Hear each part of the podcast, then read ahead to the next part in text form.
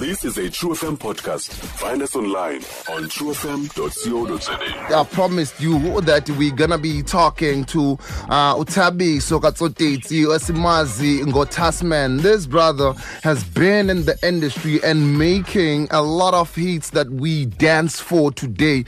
Um, this is a guy that when everyone else was out there trying to sample what um, their favorite artists or producers in the Americas and places like that were, sampling all these other records, Motown and, and all these records um, that became iconic. He was like, look, um, you guys are going this side, I'm going to turn left because there is a rich South African or African uh, music heritage that needs to be explored. So I'm going to be that guy who goes out there and ensures into ba kuse ziyenziwa ezwe ngolu hlobo sifuna uba zenziwe and I'm talking about Thasman. Thasman. Yes, sir. Kuhle bhuti.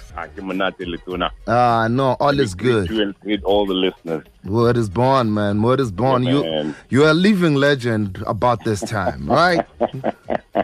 I appreciate that, my king. yeah, man. What, what made you to to be like, you know what? Uh, I'm gonna make sure that I sample home. What happened? Um, look, at the end of the day, we all have to sound different. Mm-hmm, We can't all follow the same trend, you know. Yes, yes. So when it comes to music, I look at it as everybody has done this. What Mm. else can I do that I can do differently, slightly different? You know, that makes me unique. Uh-huh. So I had to find my niche. Uh huh. Now tell me, where if any was there any resistance when you began doing this thing where people were like, ah, no, but this is not gonna work. This is how traditionally rap we, we, we know rap for. Most definitely. Like, look, in the music industry, is that every time every time anybody does something slightly different, Mm. it's more like, uh, uh this is not our kind of food, you know. Mm-hmm. So, so it takes quite some time for you to actually get your niche. Uh-huh. And once you get your niche, then at least you you have something to stand on. Uh huh.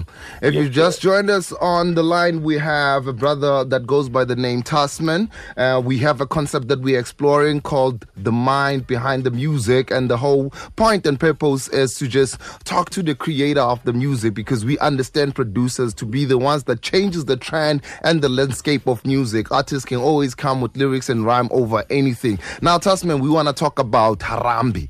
Um, you know, like where did it begin? Like where did it begin? Classic, a classic of notes. Um, Harambe was a song that was created on the spot, actually. We didn't plan on working on Harambe. We didn't plan on what's going to happen and whatever. so it was Jabba calling me and saying, Hey, Tasso, I'm doing a Take Five interview. Uh, can I use your studio? And I was like, Okay, cool.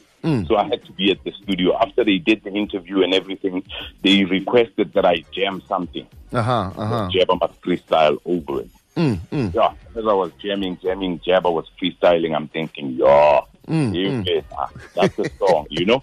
So Yeah.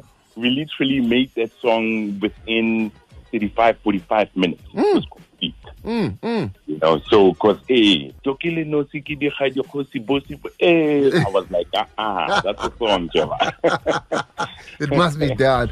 Um, yeah, man. So uh, now, um, I wanna. I'm interested in the creative process. Did you go out? Have did you have like a stack of samples that were sitting out there, or like what? What happened? How did it happen? Uh, look, Harambe was not sampled at all, actually. Okay, okay. That's an original creation. Mm, mm, mm, It's a hundred percent me and Jabba's creation, you know. Yes, yes. So it's a, it it was something that they said jam something. So as I was playing keys there, Java was freestyling, and Mm, I thought to myself, let me lay these keys.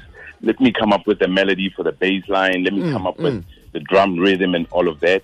While Jabba was perfecting the song because it was just a freestyle, Uh huh. you know. huh. Uh huh. so as I was as I was finishing off the song, Jabba was perfecting the lyrics. Mm, And then after that, um, he went in the booth, he recorded Take Five. He said, Hey, can we have the song to play it as the closing sequence? Mm, mm, So it was completed. you guys were under pressure, ne?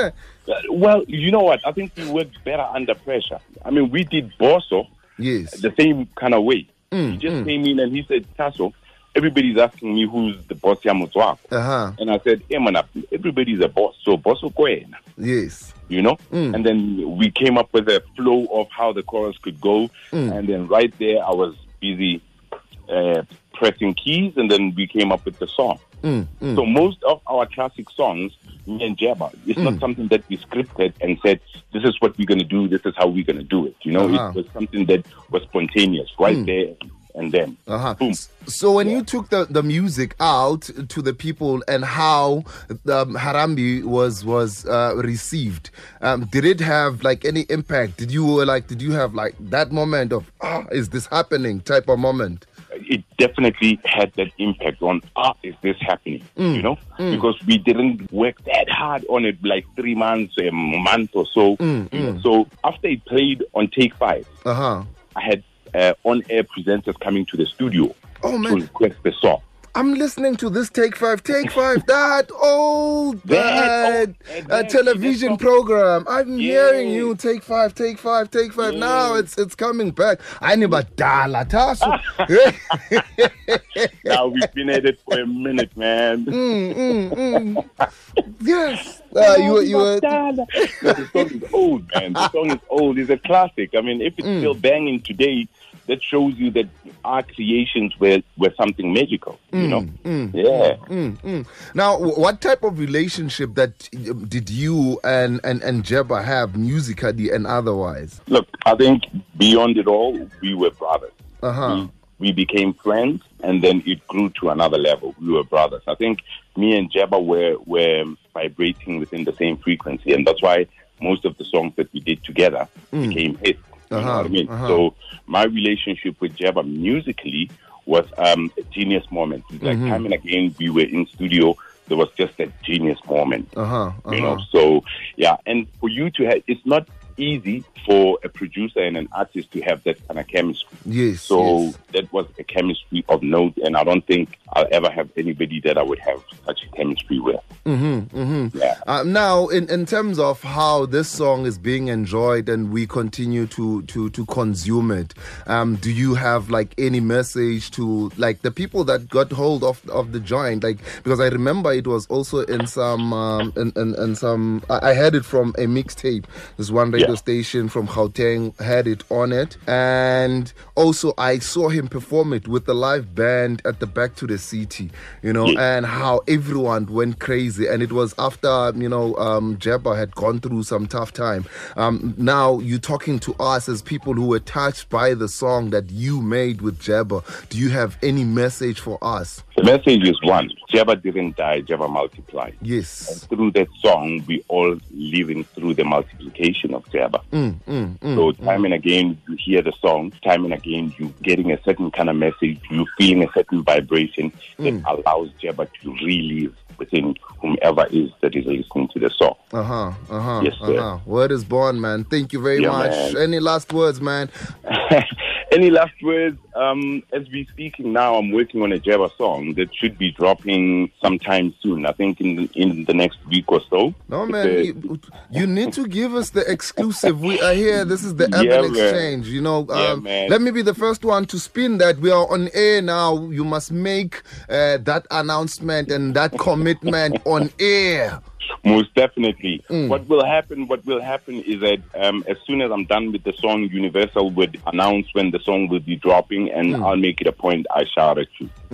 Please, man, we want to man. be the first people to spin that joint, man. Thank you very definitely. much, man, and thank you for the music and keep on doing what's great and also having and making time for us whenever we call. Thanks a million, my man, for having me, and thanks to the listeners. Word is born, man. Yeah, man. That's Double Harambe. HC Harambe with Tass, man. Yeah, man. Dimitri. Word is born, man.